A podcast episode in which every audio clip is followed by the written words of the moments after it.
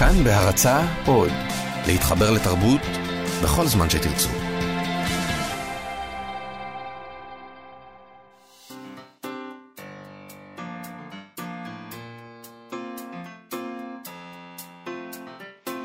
מה שכרוך עם יובל אביבי ומה יעשה לה.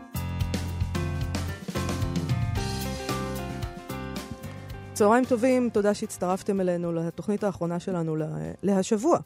אה, אנחנו מה שכרוך, מגזין הספרות היומי של כאן תרבות, איתנו באולפן ליטל אמירן וחן עוז ויובל אביבי, שלום לך. שלום גם לך, מאיה סלע. אתם מוזמנים להאזין לנו גם באמצעות האפליקציה של כאן, כאן עוד. חפשו בחנויות האפליקציות את כאן אודי, תורידו ותוכלו להאזין לכל התכנים הכי טובים במקום אחד, באיכות טובה ובשידור חי. אה, אפשר גם לשלוח לנו מסרונים בטלפון 055-966-3992, 055-966-3992, או הודעות בעמוד הפייסבוק שלנו, מה שכרוך, עם יובל אביבי ומאיה סלע. טוב, אז יופי. אז היום אנחנו נדבר עם דוקטור נעמת צה"ל על הריאליזם של רונית מטלון לקראת uh, כנס שהתקיים באוניברסיטת חיפה ביום חמישי, כלומר מחר, ויעסוק ביצירתה. נדבר גם עם דנה פרנק שלנו ונחפש איתה אהבה אצל פרניים של עגנון. ועוד ועוד. אבל ראשית, דבר מש... מה, קצת משונה שעוד לא הצלחתי לגמרי להבין, ועדיין אני רוצה לחלוק איתך. אה, פסטיבל הסופרים הבינלאומי במשכנות שאני מתקיים אה, פעם בשנתיים. כן. אה, ובמקביל לו, אבל פעם בשנה, זאת אומרת, בכל חודש מאי, מתקיים פסטיבל סופרים פלסטיני, שנקרא פל, פל, פל פסט. Mm-hmm. ואני חייבת לומר שבשנים האחרונות הגיעו אליו כמה מגדולי הסופרים מהעולם. זה פסטיבל נודד כזה שמתקיים בכמה מקומות. הוא נודד בין רמאללה לבית לחם, והיו גם אפילו אירועים בחיפה. ונזכרתי בזה אתמול, כשדיברנו על הפסטיבל בירושלים, תהיתי למה לא שמעתי בעצם על הפסטיבל הפלסטיני הזה, שראשיתו בשנת 2008. אה, אז נכנסתי לעמוד הפייסבוק שלהם וגיליתי שהם לקחו שנה חופש. הם פרסמו טקסט די משונה, שלא כל כך מסביר מה בדיוק קרה. Uh, אני שומעת בו ייאוש, אבל אולי זאת רק הפרשנות שלי, uh, וכך הם כתבו בתחילת מאי, אני תרגמתי מאנגלית. Uh, בדרך כלל זהו הזמן בשנה שבו אנחנו מודיעים על תוכנית הפסטיבל. כפי שרבים מכם יודעים, הודענו בשנה שעברה שאחרי עשר שנות פסטיבל אנחנו לוקחים שנה חופשה. הרגשנו שאנחנו צריכים לקחת צעד אחד אחורה ולחשוב על הדרך שבה העולם השתנה בעשור האחרון, ואיך אנחנו כפסטיבל צריכים להגיב על כך. הפוקוס שלנו היה במשך זמן רב הקשר שבין הספרות הבינלאומית לספרות הפלסטינית. המודל שלנו היה של פסטיבל נודד, שיוצר בערים ברחבי פלסטין ההיסטורית. הפרדיגמה שלנו הייתה הסופר כעד. עבדנו לאורך השנים יותר מ-200 אומנים פלסטינים ובינלאומיים, מתוך תקווה שהפסטיבל ייצור חוויות שיחלחלו אל עבודתם, ומשם אל השיח התרבותי כולו. אבל, כאנשים שמפיקים תרבות, אנחנו צריכים תמיד להיות מסוגלים לחשוב מחדש ולדמיין מחדש את התפקיד שלנו. הדינמיקות הפוליטיות של האזור השתנו, והשתנו גם הכלים שבאמצעותם כל אחד מאיתנו מבין את העולם. הקווים של המאבק על פלסטין מתפתחים כל העת. אז החלטנו לקחת חופשה של שנה כדי לחשוב ולדמיין. אנחנו מתכוונים לשוב בשנת 2019 עם פסטיבל רענן שמצויד ביכולת להתמודד עם הנוף המשתנה של ההווה. לי זה נשמע מאוד מאוד מוזר, אולי הם התייאשו מזה ש... אנשים אמנם באו לפה אה, להשתתף בצערם, אבל זה לא חלחל בשום צורה לספרות שלהם, למשל. בהחלט מרגיש כאילו יש שם משהו שלא מספרים לנו, כן? אה, כשדבר כזה קורה נגיד בישראל, אנחנו, אם נגיד היה, אם זה היה מתפרסם בפסטיבל ישראלי, אני ואת, אני מניח, ישר היינו משוכנעים שיש בעיה גדולה שמסתירים מאיתנו באיזה מתק שפתיים, מנסים לח, לכסות אה, אה, אותה באיזה תעלול מילולי יחצני, שנה חופש, לחשוב מחדש על המודל וכאלה. לא חושב שיש סיבה לחשוב שמשהו שונה קורה בצד הפלסטיני. אם הכל היה עובד כמו שצריך, אה, היה פסטיבל גם השנה. ואני גם לא חושב, אני, זאת אומרת, מה, מה זה לא חושב? שהם יעשו מה שהם רוצים, כן? אבל אני, זה משונה בעיניי שהם צריכים שנה חופש כדי לדמיין ולחשוב מחדש על הכלים שבאמצעותם הם מבינים את העולם לאור הדינמיקות המשתנות, כי זה בדיוק מה שפסטיבל, נגיד, פסטיבל ספרות אמור לעשות. אה, שם אמורים לעשות את זה. אה, בטח יש שם איזו מגבלה מאוד ארצית. נגיד, סתם, אני זורק ניחושים, מלחמה, או כסף, או שניהם ביחד. אה, שמונעים מהם, ומנסים לדב, לדבר את דרכם החוצה מהתסבוכת, או ככה לפחות נראה לי. אני ניסיתי אתמול אה, לפנות לכמה, מ...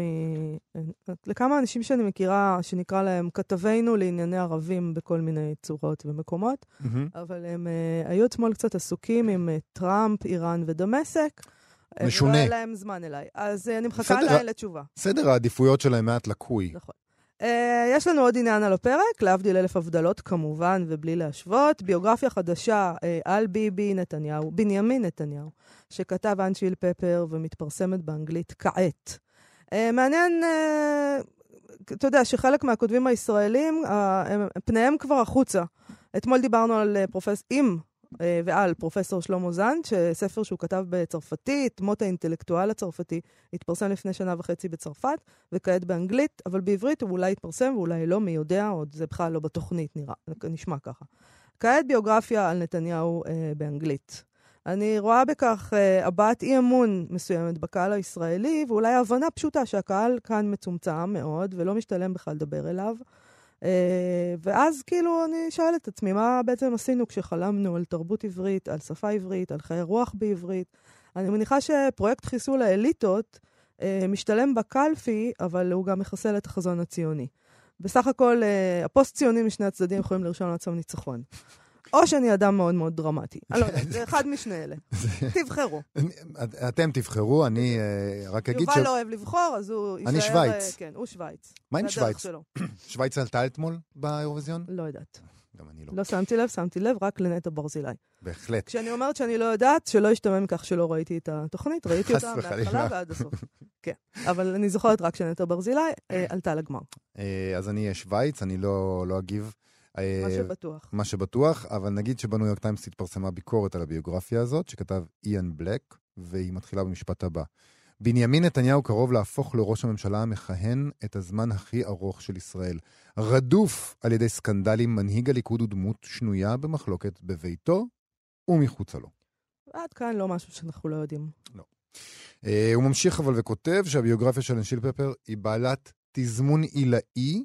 היא רואה אור בשעה שמערכת המשפט סוגרת על האיש שהיה בתפקיד כמעט עשור, והוא שחקן מרכזי במה שהוא קורא לו שכונה קשוחה. זה כאילו, אנחנו, המקום שלנו.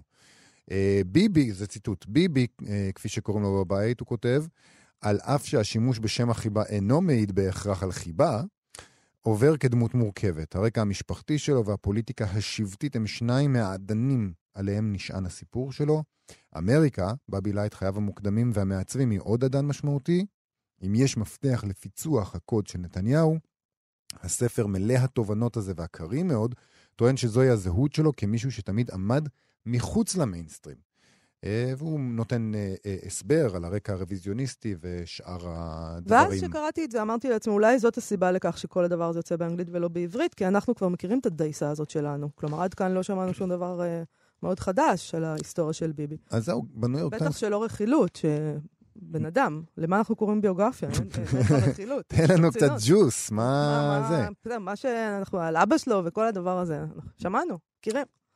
בניו יורק טיימס מסבירים שמדובר בביוגרפיה הוגנת, למרות שנכתבה על ידי איש הארץ. זה התדהמה הזאת, שמישהו שהוא אה, עובד בהארץ יכול לכתוב ביקורת הוגנת על איש ימין. מדהים, הם גם השתכנעו מה- מההסתה, ממש. של השולים וכל הדבר הזה. ממש. אין מה להגיד. אה, הם כותבים שם שסביר להניח שמעולם לא הצביע לנתניהו, אנשל פפר, אה, והיה אפשר לצפות שיעשה מנתניהו קריקטורה. למה? למה? כי זה מה שאתם עושים לטראמפ? לא, אנחנו לא כאלה, אנחנו יותר טובים מכם, הניו יורק אנחנו, טיימס. בעיקר יובל יותר טוב, כן. שהניו יורק טיימס לא אנחנו יסבירו לא לנו כאלה. איך לעשות עיתונות. אה, אז הם אומרים, הוא לא עשה את זה, הוא לא הפך אותו לקריקטורה, והם מציינים שאנשל פפר כותב שביבי, למרות התדמית שלו, לא חובב של פעולות צבאיות, נוטה לזהירות והססנות בתחום. אהם אהם, כמו כן. שאומרים. היום, הוא היום. מסיים בכך שמדובר בתוספת נחוצה להבנת נתניהו, אבל הוא כותב שבאופן בלתי נמנע מדובר בחומרים שהם כבר אה, פגי תוק, פג תוקף בעצם. אה, ומה אני אגיד לך, זאת ביקורת טובה כאילו על הביוגרפיה הזאת, הוא, הוא, מחמיא, אבל נדמה לי שהדבר הזה שהוא אומר שזה בעצם כבר פג תוקף, אה, אתה יודע, ביוגרפיות גדולות שנכתבו על מנהיגים, הן לא מתיישנות. יש בכלל תחושה שיש קצת אינפלציה של אה, ספרים על ביבי עכשיו, לא? אני לא יודע, זה לא נראה לי אבל פועל יוצא של איזו עוצמה רבה של הכותבים, של מי שכותב את הביוגרפיה, אלא להפך, זו תחושה של ייאוש. אה, עשינו המון דברים, זה לא עובד, אה, מה נעשה? נכתוב ספרים, ובאנגלית. ממש שירת הברבור של כל העניין הזה. אוקיי, עכשיו, אה, לסיום האייטם הקטן הזה, יש עוד עניין קטן מאוד. לצד ענייני דמשק, איראן, מקלטים, טראמפ, יש, כפי שהזכרנו בהתחלה, את נטע ברזילי, שראיתי שהיה אה, רייטינג אה, מאוד גבוה מאוד אתמול גבוה. לשידור. אה, הדבר הזה קרה במקביל לטראמפ, דמשק וכל הדבר הזה, ופתיחת מקלטים. וזה יפה, זה לחם ושעשועים, זה לא, נחמד. זה לא היום גם הזוי, ה- הס- המציאות שלה הזויה. היום גם התשעה במאי, יום, אה, יום השחרור אה, מ- של הצבא האדום אה, מגרמניה הנאצית. אה, אז לא יודעת, העולם משתגע, או שהוא תמיד היה ככה. זה חוזר. זה חוזר למזג האוויר, נכון? ברד ב-30 מעלות, זה מה שאנחנו חווים מבחינה ברד פוליטית. ב-30 מעלות, והתחושה הקשה שלי שהיום יום ראשון. ביום חמישי התקיים כנס לזכרה של הסופרת רונית מטלון באוניברסיטת חיפה. הכנס יעסוק אה, באופן כללי ביצירה של רונית מטלון, השתתפו בו בין השאר, כי יש המון המון משתתפים, לא נזכיר את כולם, רק חלק. פרופסור מיקי גלוזמן ידבר על הקשר שבין מטלון ליצירה של לאה גולדברג, דוקטור אה, לילך לחמן על הפואטיקה של ההתנגדות ב"והכלה סגרה את הדלת". דוקטור שחר ברם ידבר על כתיבה, קריאה, זיכרון ויצירה בכל צעדינו, ועוד באמת הרבה מאוד אה, דוברים מכובדים. אה, ביניהם גם דוקטור נעמה צל, שתדבר על הריאליזם של רונית מטלון תחת הכותרת מותק, את לא רואה בעיניים. דוקטור נעמה צל היא מרצה במ- במכללת, במכללה האקדמית ספיר. היא עורכת בהוצאת אה, רסלינג, והיא מחברת הספר "הם דיברו בלשונם על הפואטיקה" של יהושע קנז. שלום, אה, נעמה צל. שלום, בוקר טוב. צהריים טובים, איזה בוקר. אז אוקיי. תגידי לי, אה, נעמה, זה תלוי מתי, את יודעת, כל אחד ומתי שהוא קם. זה לא, בסדר. אנחנו נדבר על מציאות והזיה, אז כן. אז אני רוצה לדבר, להתחיל מלדבר על הכותרת של ההרצאה שלך, מותק, את לא רואה בעיניים. כן. אוקיי, מאיפה זה? אמרה לי. יפה. אז פעמים. באיזה הקשר, תגידי לי מה, איך זה קשור לזה, ומה מה אה, הייתה השיחה כן. ביניכם? כן, טוב, זה היה הרבה שיחות, אה, אנחנו היינו חברות אה, לאורך השנים מאוד מאוד קרובות. אה, השפיע עליי בצורה מאוד עמוקה. אה, מהמון בחינות.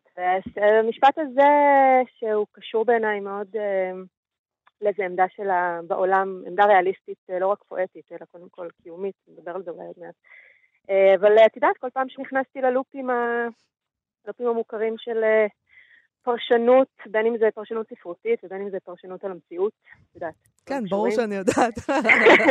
בדיוק, כולנו יודעים לצערנו. ורונית, את יודעת, היה בה משהו שתמיד החזיר, לא רק אותי, אבל אני יכולה לה- להעיד עליי, שתמיד החזיר מאוד מאוד לקרקע. אה, והדבר הזה של לראות בעיניים, פשוט תסתכלי, תראי בעיניים. לא רואה, כן. לא רואה בעיניים. אה, זה דבר שככה חזר, אה, את יודעת, במסגרת המשפט הזה והרבה הרבה משפטים ושיחות אחרות, אה, וגם בטקסטים שלה אני מרגישה את זה מאוד מאוד חזק. העמדה הזאת, הריאליסטית המאוד מאוד חזקה של להיות נטועה במציאות ואיזו אה, שאיפה מאוד עמוקה שלה, שהיא לכאורה מאוד פשוטה, אבל אני חושבת שהיא די נדירה. אה, באמת לראות מה קורה בחוץ. אני חושב שאנחנו לפני כמה שבועות עשינו כאן, יש לנו פינה שנקראת התחלות של ספרים. כן. אה, שבה אנחנו, אה, סליחה, אה, פינה שנקראת ההיסטוריה תשפוט, בלבלתי בין שני דברים, אהה, שבה כן. אנחנו חוזרים לביקורות שנכתבו בזמן אמת על כל מיני ספרים. חזרנו לספר הראשון שלה, וכבר כן. אז הביקורות דיברו בדיוק על זה. אה.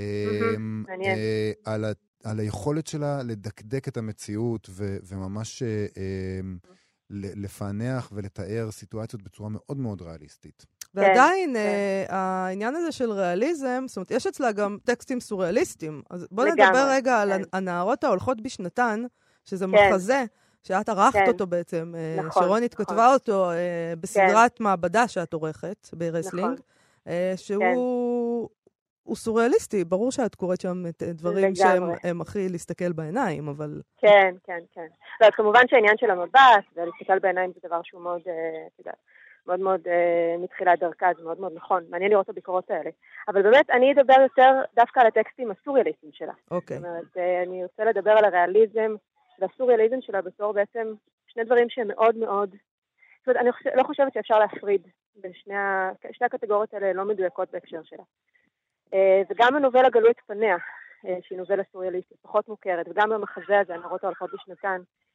אה, הם טקסטים סוריאליסטיים, אבל הם נכתבים בתקופה מסוימת, אה, שבה אני חושבת שרונית מרגישה שהיא כבר לא משנה כמה היא תנסה לראות בעיניים, היא כבר פשוט, אה, פשוט כבר אי אפשר. זה לא קשור לעיניים, זה יותר קשור אולי למציאות שבתוכה אנחנו חיים. על איזה, על איזה שנים... שאי אה, אפשר, אי אפשר לראות בעיניים, או שאי אפשר לכתוב את זה ככה, אלא צריך ללכת ל- השאלה לסוריאליזם? הגדולה, כן, זאת אומרת, תמיד, תמיד השאלה, והיא גם כותבת ספרים שהם יותר נושקים לכיוון הריאליסטי גם בשנים האלה, אבל אני חושבת שמשנת 2000, ממש ככה, שנה סימבולית של, של מפני המאה, כן. כותבת את שרה שרה, שזה לכאורה טקסט ריאליסטי כהלכתו, אבל ממש לא, כשנכנסים פנימה. שם משהו מאוד מאוד עמוק מתערער. אה, יש איזו שאלה, כאילו משהו נשמט. אה, ועכשיו, השאלה של רונית, על, אתם יודעים, מה זה ריאליזם, מה זה לראות בעיניים? אה, כמובן, זה לא הריאליזם של המאה ה-19, שהיא מאוד מאוד אהבה והייתה מאוד כרוכה אחריו. מהמם. אבל כמובן שהריאליזם שלה הוא תמיד, היא גם תמיד אמרה את זה. אה, אני כותבת מתוך שבר, זאת אומרת, אני כותבת מתוך שברים, מתוך מציאות שבורה, גם מציאות פרטית שלה, אבל גם מציאות אה, ישראלית, אה, עולמית שבורה. אבל תמיד השאיפה הייתה שאיפה ריאליסטית עמוקה מאוד, וכמובן תמיד הייתה השאלה מה זה אומר לראות בעיניים, מה זה אומר לכתוב כתיבה ריאליסטית.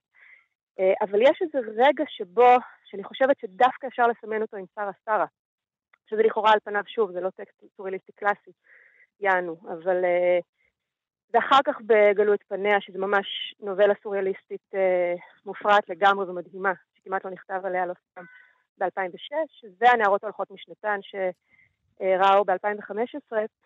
אה, אני חושבת שזה לא מקרה שהספרים האלה רואים אור במסגרת המאה ה-21 ולא בשנות ה-80 או שנות ה-90, כי יש איזו תחושה ש... אם אפשר להגיד את זה בצורה פשוטה, שהמציאות הפכה להזיה. אולי מחוץ לספרות נקרא לזה פייק ניוז אולי, או נקרא לזה מציאות וירטואלית, או הרבה מאוד שמות אחרים. אבל זו תחושה שאיזשהו משהו נשמט בתוך היכולת בכלל, או בתוך השאלה עצמה של בכלל לנסות לתאר את המציאות הזאת שסביבנו. אבל איך, איך הסוריאליזם הזה בעינייך שונה נגיד מסוריאליזם ש, שלא מסתכל בעיניים, שלא בוחן את הריאליזם דרך המבט הזה? אצלה או בכלל? אצלה, אצלה, ודאי. אצלה, כן. אמ, עוד פעם, לא חושבת שהבנתי את השאלה.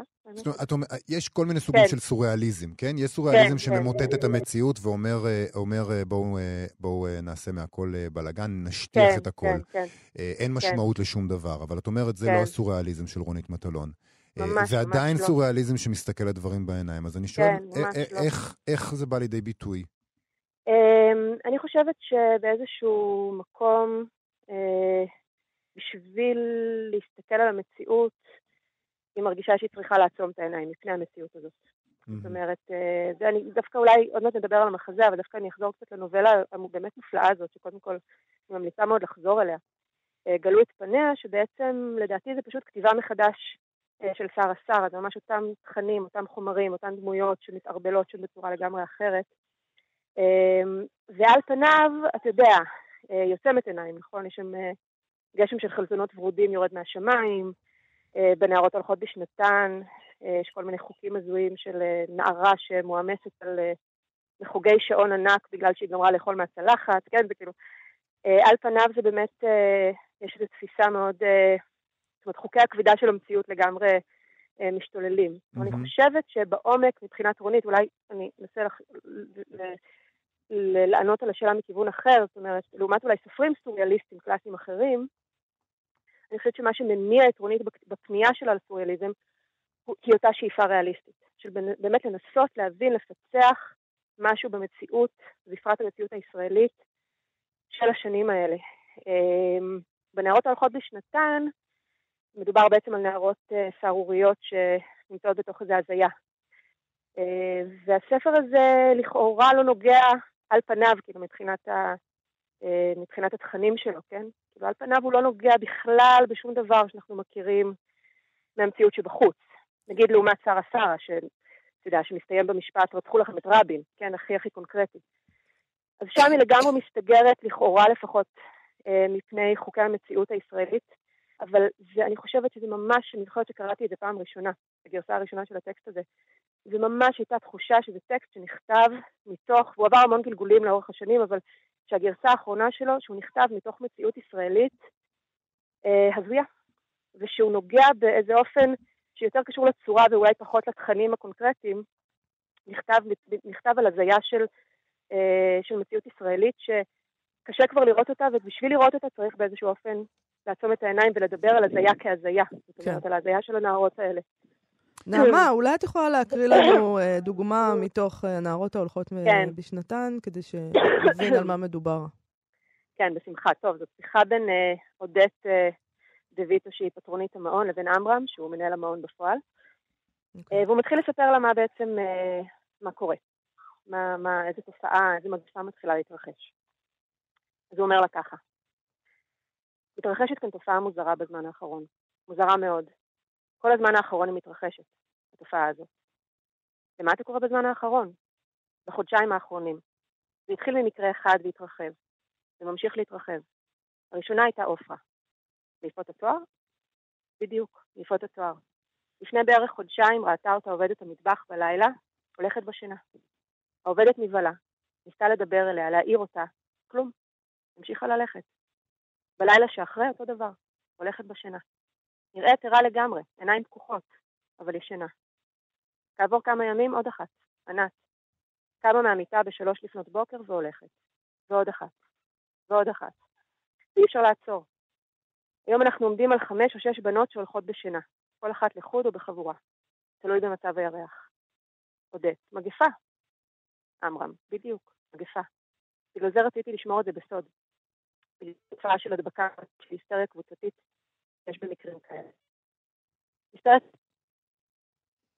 טוב, נראה שהקו השתבש. הקו השתבש. בהחלט. נעמה? אוקיי. אה, זה אני קראתי את המחזה הזה בשעתו כשהוא יצא, זה פנטסטי, אני מאוד מאוד אה, ממליצה על הדבר הזה. אה, ובכלל, רונית מטלון. טוב, זה כבר כן. ידוע שאני אוהבת אותה מאוד. אנחנו, תודה רבה לדוקטור נעמה צל. כן. נז- נזכיר שהיא תשתתף בכנס לזכר רונית מטלון, שיתקיים באוניברסיטת חיפה מחר. אנחנו, יש לנו כאן אה, אורחת אה, אהובה עלינו במיוחד, אה, דנה פרנק. אני שלנו. גם אה, מאוד אוהבת אה, להיות כאן יפה. בפינה הזו. בוא, כן. לא, בוא לא נגזים אבל עם העניין הזה של אהבה. כי זה אה, הנושא שלנו. אוקיי, אז דנה פרנק מחפשת אהבה. זה אה, אה, איפה אנחנו מחפשים אותה היום? היום אנחנו מחפשים אותה אצל שי עגנון, בהמשך אה, ממש ישיר ל- לשיחה מאתמול על לימודי הספרות, Mm. שהייתה כאן בתוכנית. אה, אני אתמול אה, קראתי, הצצתי בתוכנית הלימודים לבגרות בספרות, ונזכרתי שעגנון הוא יחידה בפני עצמו. אתם ידעתם את זה? אה, חייבים ללמוד לפחות שני סיפורים של עגנון. כן, זה נכון. אפשר להחליף ברומן? נגיד, אתה יכול לקחת לא. מה את אומרת? עגנון, אתה חייב לפחות שני סיפורים קצרים. ברומן, ברומן, אתה יכול גם ללמוד רומן של עגנון. לא, אני לקרות לך. רוצה אחד גדול בעד למה שניים אתה קטנים. חייב אבל להתחכם? צריך ללמוד שני סיפורים קצרים, זהו. וכך הגעת ל... כן. אה, בכל מקרה, שי עגנון אה, הוא זוכה פרס הנובל השני בפינתנו זו, אה, חתן הרולד גם פרס פינטר היה ישראל. לנו, נכון? האמת, אתם יודעים מה? השלישי. גם היה לנו את שימבורסקה. עכשיו אני פתאום חושבת Mm. על זה. אין, רק נובלים הולכים- רצים הולכים פה. על הטופ. אנחנו, כן, לגמרי. אה, הוא גם חתן פרס ישראל, הוא נולד ב-1887 בבוצ'אץ', אה, עלה לישראל בגיל 22. במשך 12 שנים מחייו הוא חי בגרמניה, ומתוך אה, חוויית החיים הזו בגרמניה, שבמהלכה הוא חווה שם גם את מלחמת העולם הראשונה וגם את תוצאותיה, אה, נכתב הספר שלפנינו היום, פרנהיים. אה, הסיפור הזה, שהוא באמת סיפור חובה לבגרות, אה, קראתי את ערך הוויקיפדיה שלו הבוקר, כן. והוא מתחיל במשפט שפשוט מסכם את כל... קראתי את זה, נזכרתי מה זה ללמוד ספרות בתיכון, ונפלה עליי תוגה עמוקה, המשפט הוא כדלקמן. פרנהיים הוא סיפור קצר מתוך הספר עד הנה מאת שי עגנון. הסיפור מבטא ביקורת חברתית על אירופה שלאחר מלחמת העולם הראשונה, והמוטיב המרכזי בו הוא מוטיב השיבה המאוחרת. זה עתה לקחנו סיפור שהוא פיש... פיסת אה, אנושיות מדממת, הפכנו אותו לצפרדע מבוטרת, אה, מאיה אמרה אתמול, חתיכת חזה עוף אה, אה, שאתה קונה קפוא בסופר, וזהו, אין, אין עכשיו שום סיכוי לאהוב את הסיפור הזה. אנחנו אבל בכל זאת ננסה להחזיר אותו לתחייה ולקרוא אותו בתור סיפור אהבה היום. בואו באמת אני אקריא את הפתיחה המאוד מאוד יפה של הסיפור. בחזרתו מצא את ביתו נעול. לאחר שצלצל ושנה ושילש, עלתה ובאה השוערת, שילבה ידיה על כרסה והניחה ראשה על כתפיו, ועמדה שעה קטנה מסתוממת ואמרה, את מי אני רואה? את האדון פרנהיים. באמת, באמת? הרי הוא האדון פרנהיים. משמע שחזר האדון פרנהיים. אם כן, למה אמרו שלא יחזור? ולעניין שהוא טורח ומצלצל, טרחת שווא הוא טורח. שהדירה ריקה ואין שם אדם שיפתח לו, שגברת פרנהיים יצאה ונעלה את הבית ונטלה עימה את המפתחות, ולא חישבה שאפשר שצריכים לה מפתחות. כגון עכשיו, שחזר האדון פרנהיים, הוא מבקש להיכנס לביתו. אה, פרנהיים חי שצריך לומר לדבר, דחק עצמו להשיב לה ולא השיב, אלא אמירה קצ... קצוצה ומעוכה שלא היה בה כדי כלום. איזה פתיחה מופתית לסיפור. נכון.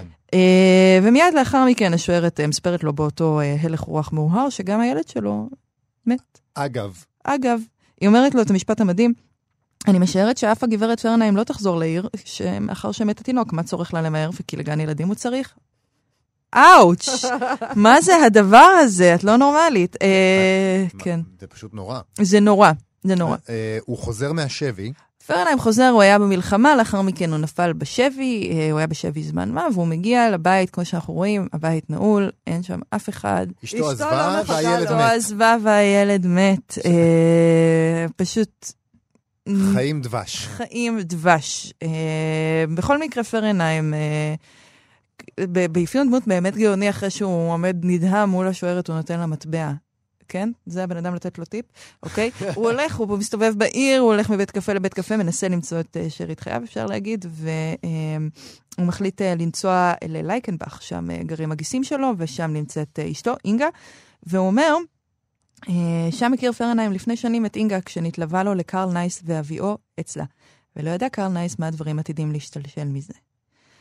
אה, וכאן בעצם פרנהיים מגיע לבית של הגיסים שלו, הוא נכנס, אה, הוא צריך כדי לפגוש את, אה, את אשתו, לא רק לעבור פיזית דרך הבית, אלא גם לעבור דרך מארג החיים שנסגר בהיעדורו, so to speak, כאילו, ועגנון, שלא לחינם זכה בפרס נובל, אינו פראייר, ממש מכניס אותנו לתוך זרם התודעה של כל הדמויות. זה מאוד מאוד יפה. הוא מביא את האחיין שלו, שנתקל, זאת אומרת, עגנון קודם כל בא ופוגש את גיסתו, והגיסה עומדת לא יודעת מה לעשות איתו. ואז אה, מגיע האחיין, נכנס לחדר, והגיסה אומרת לו, שוב הזזת את מיטתך, זיגי? וכאילו, אמרתי לך, אל תזיז את המיטה, סתם ממציאה איזה משהו לומר לו. ואז עומד לו התינוק שהוא תוהה, באיזה מיטה דיברה עמו? ואם הזיז את המיטה, למה לא היה צריך להזיזה? אבל הרי אין כאן מיטה. כאילו אנחנו נכנסים ממש לתוך העולם שבו אין שום מקום לפרנהיים. ומה שמתגלה לנו, אה, באמת נכון שיש כאן איזשהו טייק אוף על האודיסאה, על החזרה המאוחרת הזאת הביתה, ואולי הרפרנס הכי יפה לזה זה שפרנהיים יושב ומחכה שמישהו יתייחס אליו, גיסתו לא יודעת מה לעשות איתו, מחכה שבעלה יבוא ויגיד לו מה לעשות, והם יושבים שניהם, אה, היא מקפלת את הלבנים, והוא אוחז את פרוסת הציגרלו בין שפתיו, יש פה עניין שלם שהוא בא עם חצי סיגריה מהבית. אה, היא יושבת ושותקת, וזה תומע על עצמו שישב עם אה, אחות אשתו ויושב ושותק. ואז יש לנו קטע שלם, מונולוג שלם פנימי של הדמות לגבי הכביסה. ואיך, מה היא חושבת על הכובסת החדשה, ואיך הכובסת תולה את החבל ולפני זה היא לא מנקה אותו, ואז יש דמיונים על הכבשים. ואני חושבת שיש פה טייק אוף על פנלופה, שמתעסקת עם ההריגים, הורגת ופורמת והורגת ופורמת, אבל כאן יש לנו כאילו את השלב הסופי, כבר הכל גמור, כבר הכל מוכן, הכל נקי. ואז סוף סוף מגיע הגיס, פרנאי פוגש אותו, אומר לו, כתבתי שאני אבוא, אף אחד לא בא לקחת אותי, מה נעשה? ואז יש פה איזה משהו נורא נורא מעניין, כי עד לרגע הזה אנחנו חושבים שפרנהיים נעשה לו עוול נוראי, ובאמת נעשה לו עוול נוראי, הוא חזר מהשבי, הוא אומר, אה, אני, ששפכתי את דמי במלחמה והייתי שבוי בידי האויב, ועשיתי שנה בבית השבי, לא נמצא אדם אחד שיבוא להקביל את פניי. והגיס שלו אומר לו, אה, הסבר אתה מבקש, ורנר, ובכן נתחיל מתחילת הדברים. מעשה בנערה בת טובים, שהייתה מיועדת לאדם אחד, אלא שעדיין לא היו חיתונים. נתגלגל לדברים ונתלווה לו מי שנתלווה. כי אנחנו כבר נאמר לנו קודם שפרנהיים פגש את אשתו פעם ראשונה כשהוא הגיע עם קרל נייס לאותו בית. אמ, ונתלווה לו מי שנתלווה, נתגלגל, נעלם זה שהיה מיועד לאותה הנערה, ובא זה שנטפל לזה, והתחיל מסובב את הנערה עד שנתרצתה לו ונישאה לו. למה נתרצתה ונישאה לו? דבר זה מניח אני לחכמי חידות, אני איני יודע לומר למה. ואף אתה, ורנר, אם תסתכל בך יפה יפה, אי אתה יכול לומר למה. הרי שכבר מתחילתו לא היה זיווג זיווג, אלא מה שהיה היה. מכל מקום, אין צורך שיהיה כל הימים כך. מבין אתה יקריא לכאן הדברים נוטים? אתה מבין? הרי דברים ברורים, אני אומר. אומר לו, אתה באת לתוך החיים שלנו בצורה ממש ממש בתחבולות. נכלוליות. בנכלוליות, הוא גם אחרי זה זורק לו משהו על זה, אני לא מדבר איתך על המעילת כספים שהייתה, ולא חילול שם הפירמה שנתחלל על ידיך, מה הוא עשה אנחנו לא יודעים, אבל כנראה שמשהו קצת מלוכלך. ורק אחרי כל מסכת ההשפלות הזאת, סוף סוף פרנהיים פוגש את אינגה, יש פה משפט מאוד יפה ויואל הופמני. אה, אינגה קיבלה אותו בסבר פנים יפות. אלמלא ידענו את שאנו יודעים, היינו סבורים שהייתה שמחה לראותו. אה, הוא מתחיל לספר לה ככה מה היה לו, אבל היא אבל לא... אני רוצה להגיד לך. משהו. אה. הבת שלי, באמת, אה, כפי שציינתי, היא לומדת את זה לבגרות. כן, הייתה עכשיו, היא למדה את זה למגן. כן. מתכונת קוראים לזה היום. וכשאמרתי לה שאנחנו נדבר על זה, היא שאלה אותי מה סיפור האהבה בזה. ואז אנחנו צריכים בעצם להסביר למה בחרנו את הסיפור הזה. מה סיפור האהבה בזה? הרי אנחנו, יש לנו פה אדם שהיה במלחמה איומה ונוראה, נפל בשבי. כן. אה, הוא אמור להיות אה, בתפקיד הילד של כולנו. עכשיו שהוא חוזר, נכון. אנחנו אמורים לזרוק עליו אורז. ואשתו לא מחכה לו, הם מקבלים אותו ממש בשוויון נפש. בשוויון הוא פשוט, נפש. הוא מפריע להם שהוא חזר. אה, מה סיפור האהבה בזה, דנה? אני חושבת שמה שקורה פה זה שפרנהיים חושב שיש לו איזושהי תעודת ביטוח, ותעודת הביטוח היא תעודת הנישואים. Mm, אה, וכל הסיפור הזה שהוא חוזר ומארג החיים נסגר סביבו, וזרם התודעה של הדמויות ממשיך הרבה מעבר לו. כל הסיפור הזה בעצם בא להראות לנו ששום דבר אה, הוא לא קשיח והוא לא בסלע. עכשיו, יש פה גם עניין שאנחנו חושבים שאין דבר חמור ונורא יותר מלבגוד באהב, בא- באהבה שלנו, אבל מה זה אהבה שמבוססת על איזשהן תחבולות? מה זאת האהבה הנכלולית הזאת שהייתה לנו מלכתחילה? אה, וגם אנחנו באמת צריכים לשאול את עצמנו האם זאת הסיבה שהסיפור הזה מצא את דרכו לבחינת הבגרות.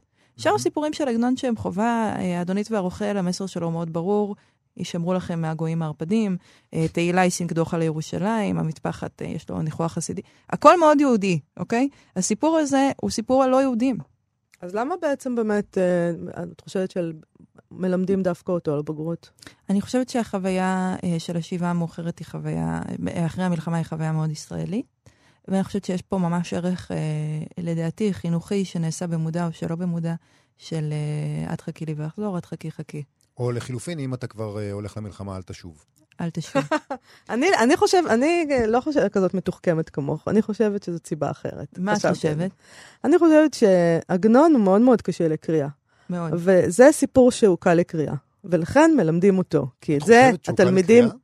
כן, הוא קל יחסית, זה לא, אין שם מילים שצריך ממש לבאר אותן, כן. שהיום אנשים לא יודעים לקרוא. זה, קל, זה סיפור שקל לקרוא אותו, ולכן מלמדים אותו, ולא סיפורים אחרים. כי. אני שמעתי על uh, מורים לספרות בבתי ספר יוקרתיים לספרות, שכשהם uh, רוצים לקרוא, uh, ללמד uh, uh, טקסטים אחרים של עגנון, אז הם, הם מקריאים בכיתה ומתרגמים, כאילו שזה משפה זרה. וואו, באמת? הגענו מלמד- לשם? כן, אבל את זה לא צריך לתרגם, את זה אפשר להבין, ולכן מלמדים אותו. זו זה, דעתי. זה מצחיק שאת אומרת שהוא קל לקריאה, כי אתמול כשדיברנו קצת על הסיפור אה, אה, לפני כן, אה, אני אמרתי שיש לי תחושה כמעט דיוויד לינצ'ית בסיפור הזה. נכון. לפעמים אתה יושב, אתה מסתכל על... ה- אה, יכול להיות שהשפה שלו קלה, אבל ההתרחשות היא מאוד משונה. היא מאוד משונה. אתה, אתה אה, מרגיש... דיברתי על השפה כמובן. כן. התרחשות לא, היא לא קשה לקריאה, אתה יודע עם איזה חומרים אלימים האנשים האלה מתמודדים בגיל כל כך צעיר. כן, אבל את לא מה כל מרגישה... כך קשה? הבן אדם חוזר ואף אחד לא מחכה לו. אבל התגובות של הנוכחים, כמו שדנה מקודם ציינה, הן פשוט לא קשורות לפעמים. אה, נכון. פתאום, פתאום מדברים על כביסה. כן. מה הכביסה עכשיו? פתאום, מה... זה, זה ממש סיפור, אה, שיש פה משהו ג'ויסי כזה, כל אחד נכנס לאיזה ספירה שלו. אה, תראו, אבל- והדבר האחרון, סליחה, שאני חושבת שהוא מאוד משמעותי בנוגע לסיפור האהבה הזה, זה כמה אנחנו יכולים לדרוש אחד מהשני, אה, בהתבסס על אה, רוע מזלנו. כי מה קרה הרי? ורנר פרנהיים שיחק לו את מזלו בטירוף. הוא פגש את אינגה, הוא נדלק עליה, היא הייתה מיועדת לחברו קארל. הוא ראה איזה מפולת הרים, קארל נייס מת ממפולת הרים, אוקיי? הוא ראה איזה מפולת הרים, הוא ראה את קארל נמחץ תחת המפולת הזאת, הוא בא והוא לקח את הבחורה. בום, זכה בלוטו. לאחר מכן, אז זה לא אה, התקלקל עליו כמה וכמה פעמים. וכשהוא בא לאינגה והוא סוף סוף דורש ממנה ש, שתוכל כאילו להשיב לו קצת מהאהבה שהוא חלם עליה בשבי, הוא אומר לה, אה, אני קטוע מזל, אבל אני לא רוצה לעקור עצמי מהעולם. אדרבה, חיים חדשים אני מבקש. אתמול הייתי על קברו של בננו. סבורה עד שקברנו עמו את כל מה שהיה בינינו, אל תבכי. לא דמעות אני מבקש ממך. אז מה אתה מבקש? אתה רק רוצה שהיא תבכה. אתה רק רוצה שהיא תרגיש רע. אתה רק רוצה כאילו שהיא תרחם עליך ותחזיר לך את המזל שנקטע לך. לא? אני לא חושב שהוא רוצה שהיא תרחם עליו במובן של שהיא תבכה, אני חושב שהוא רוצה, הוא רוצה אותה בחזרה, כן. וזה בסדר. הנקודת המוצא שלי כשאני קראתי את הסיפור הזה, זה הסוף הוא קצת מעיק. כי אתה. מרגיש, כי אתה מרגיש שפרנהיים הוא קצת אה, סטוקר, הוא לא הולך, היא רוצה שהוא ילך, והוא אומר לה, טוב, אני הולך, ואז הוא נשאר. ארבעה עמודים. מדהים, הוא, הוא כל הזמן עושה כל מיני שטיקים של להישאר, ואתה אומר, בן אדם, אה, היא לא רוצה, אתה מטריד אותה. אה, אני לא רוצה להשתמש במילים כמו מימד של אה, אה, אונס. אה, אבל אה, הוא כל- הוא כופה את עצמו. אה, ו- ו- ואז אתן אמרתם לי, על מה אתה מדבר? הבן אדם, הבן אדם הוא- בטראומה, הוא בפוסט-טראומה, הוא שבור. הוא שבור לחלוטין. מה זאת אומרת? זאת אשתו, הוא חוזר הביתה ואשתו לא מחכה לו. נכון, אז נגיד ש... שכנעתם אותי. אז וה- לא, אז זה נראה לך מוזר שהוא לא הולך? כי הוא אומר, רגע, מה הולך פה? לא, לא, שכנעתם אותי, אבל עכשיו דנה אומרת אה, משהו אחר. עכשיו היא אומרת, אתה רק רוצה לגרום לה להרגיש רע. לא, הוא נאבק עליה. הוא נאבק על, על, על איזה שבריר של משהו שנשאר, והיא לא הולכת לתת לו את זה. אני חושבת שאולי יש פה גם איזו אמירה אה, מודרניסטית מעניינת, אפרופו המוטיב השיבה המאוחרת שנתקלנו בו בערך הוויקיפדיה. אה, אבל באמת, שהאודיסאה לא צולחת, והמסע להכנה, למסע למלחמה מסתיים בלא כלום, זה ממש אה, אמירה יפה ואף מבריקה, של איך מלחמת העולם השנייה שיבשה את התפיסה של הגבורה. מלחמת העולם הראשונה, סליחה, שיבשה את תפיסת הגבורה, ובאמת זה מקור, זה מין נקודת אה, הזנק להרבה מאוד תנועות שאנחנו רואים מאחר יותר בספרות, שהן אפילו יותר אבסורדיות, לוקחות את זה יותר רחוק, אבל כאן זה מאוד מאוד פשוט. אני חשבתי שאני יוצא למלחמה כדי להיות גיבור, ואת תחכי לי, אני אחזור, ישטפו אותי, ימצאו את הפצעים הישנים שלי, ותבינו שאני זה אני. ולמעשה אני חוזר, ואתם רק דורשים ממני להזדכות על הפשעים שלי וללכת. וב, ומעבר לכך גם אולי התמודדות מוחלטת של כל מיני ערכים או רגשות אנושיים שנדמה לנו שעוברים. זה באמת מלחמה שמוטטה את כל מה ש... מוטטה את, הפשר, הציוויליזציה, את כן. הציוויליזציה. מה זה אהבה אחרי מלחמת העולם הראשונה בכלל? נכון. אה, מה זה מוסד הנישואים אחרי... אה, כל הדברים האלה מקופלים פה. זה באמת, אה, זה באמת אה, סיפור מדהים מהבחינה הזאת. ואשרינו שלמדנו אותו לבגרות. נכון מאוד. תודה רבה, דנה תודה פרנק. לכם. תודה רבה. לסיום נקריא אה, משהו מהעמוד של אה, עמוס קינן. אה, הסטטוס הזה פורסם לפני כמה ימים אה, ונכתב בו כך: עמוס קינן נולד היום לפני 91 שנה, וכך כתב בפרק לזכר ה-15 במאי 1948 בספרו שושנת יריחו, שאפשר להקדיש לזכר המלחמה הקרבה. צורפו שם שני צילומים של העמוד בספר, וכך נכתב בו. לפני פרוץ מלחמו, מלחמת העולם, היו גם יהודים וגם ערבים שהושפעו מהמהפכה הקומוניסטית בברית המועצות ודבקו בה. כשם שהיו גם יהודים וגם ערבים שהושפעו מעליית הפשיזם, לפחות באיטליה, אם מדובר ביהודים, ועד לגרמניה הנאצית, אם מדובר בערבים. כאשר מרדו הערבים בבריטים ב-1936, אנו היהודים התייחסנו רק להיבט האנטי-יהודי שלו, ולא התעניינו כלל בהיבט האנטי-קולוניאליסטי שלו.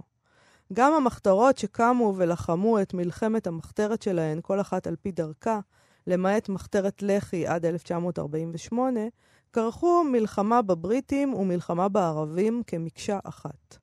למחתרת לח"י היה מין חזון עמום ולא מודע לעצמו, של השתייכות מסוימת לעולם השלישי המשתחרר מעול האימפריאליזם, אך כאמור החזון היה עמום.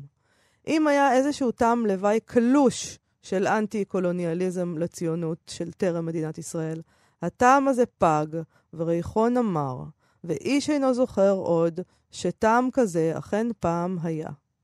נמר, אגב, עד כאן עמוס קינן, נמר, לפי דעתי זה מין הלחם כזה של נגמר ומר. ולפי דעתי הוא המציא את זה וזה מקסים. מילה נהדרת. אני לא חושבת שזו מילה מהמילון שקיימת באמת, אני לא מכירה את המילה הזאת, נמר. ריחון נמר, זה יפה. מאוד יפה.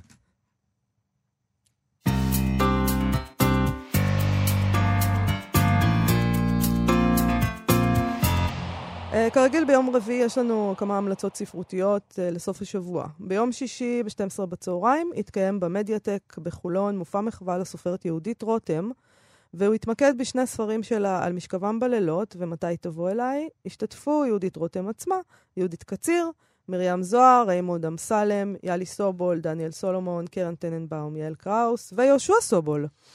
אה, וביום חמישי התקיים בבית ביאליק ערב לכבוד המשוררת מאיה בז'רנו לרגל צאת אה, ספר שיריה החדש, אקראיים וחפים, וספרו של אה, גבריאל מוקד על שירתה. השתתפו גבריאל מוקד, נביד בראל, טלי לטוביצקי, עדי שורק. יקריאו משיריה עודד כרמלי וצביה ליט- ליטביסקי. ליטבסקי, איך אמרת? נראה לי שליטבסקי. ליטבסקי. סליחה. וגם תהיה שיחה של רניה גיל עם מאיה בז'רנו עצמה. אה, לא נשכח שבסוף השבוע עדיין אה, מתקיימים אירועי אה, פסטיבל הסופרים הבינלאומי ומשכנות שאננים. היום בערב ישוחחו ניר ברעם וחיים באר עם בילה בן אליהו על היחס שלהם לירושלים בספרים ובחיים. שני אנשים די מצחיקים, זה בטח יהיה אירוע מצחיק. אה, באירוע אחר היום, הילה בלום תשוחח עם ישי שריד וסמנטה שוובלין מארגנטינה על כתיבה, על הורות בסימן החרדה לילדים. אה, ומחר אה, תתקיים שם אה, סדנת כתיבה עם אה, אגי משעול, וגם אירוע בהשתתפות אה, אריק גלסנר אה, ויאיר אגמון, שישוחחו על החזרה בשאלה כמרד או ככניעה.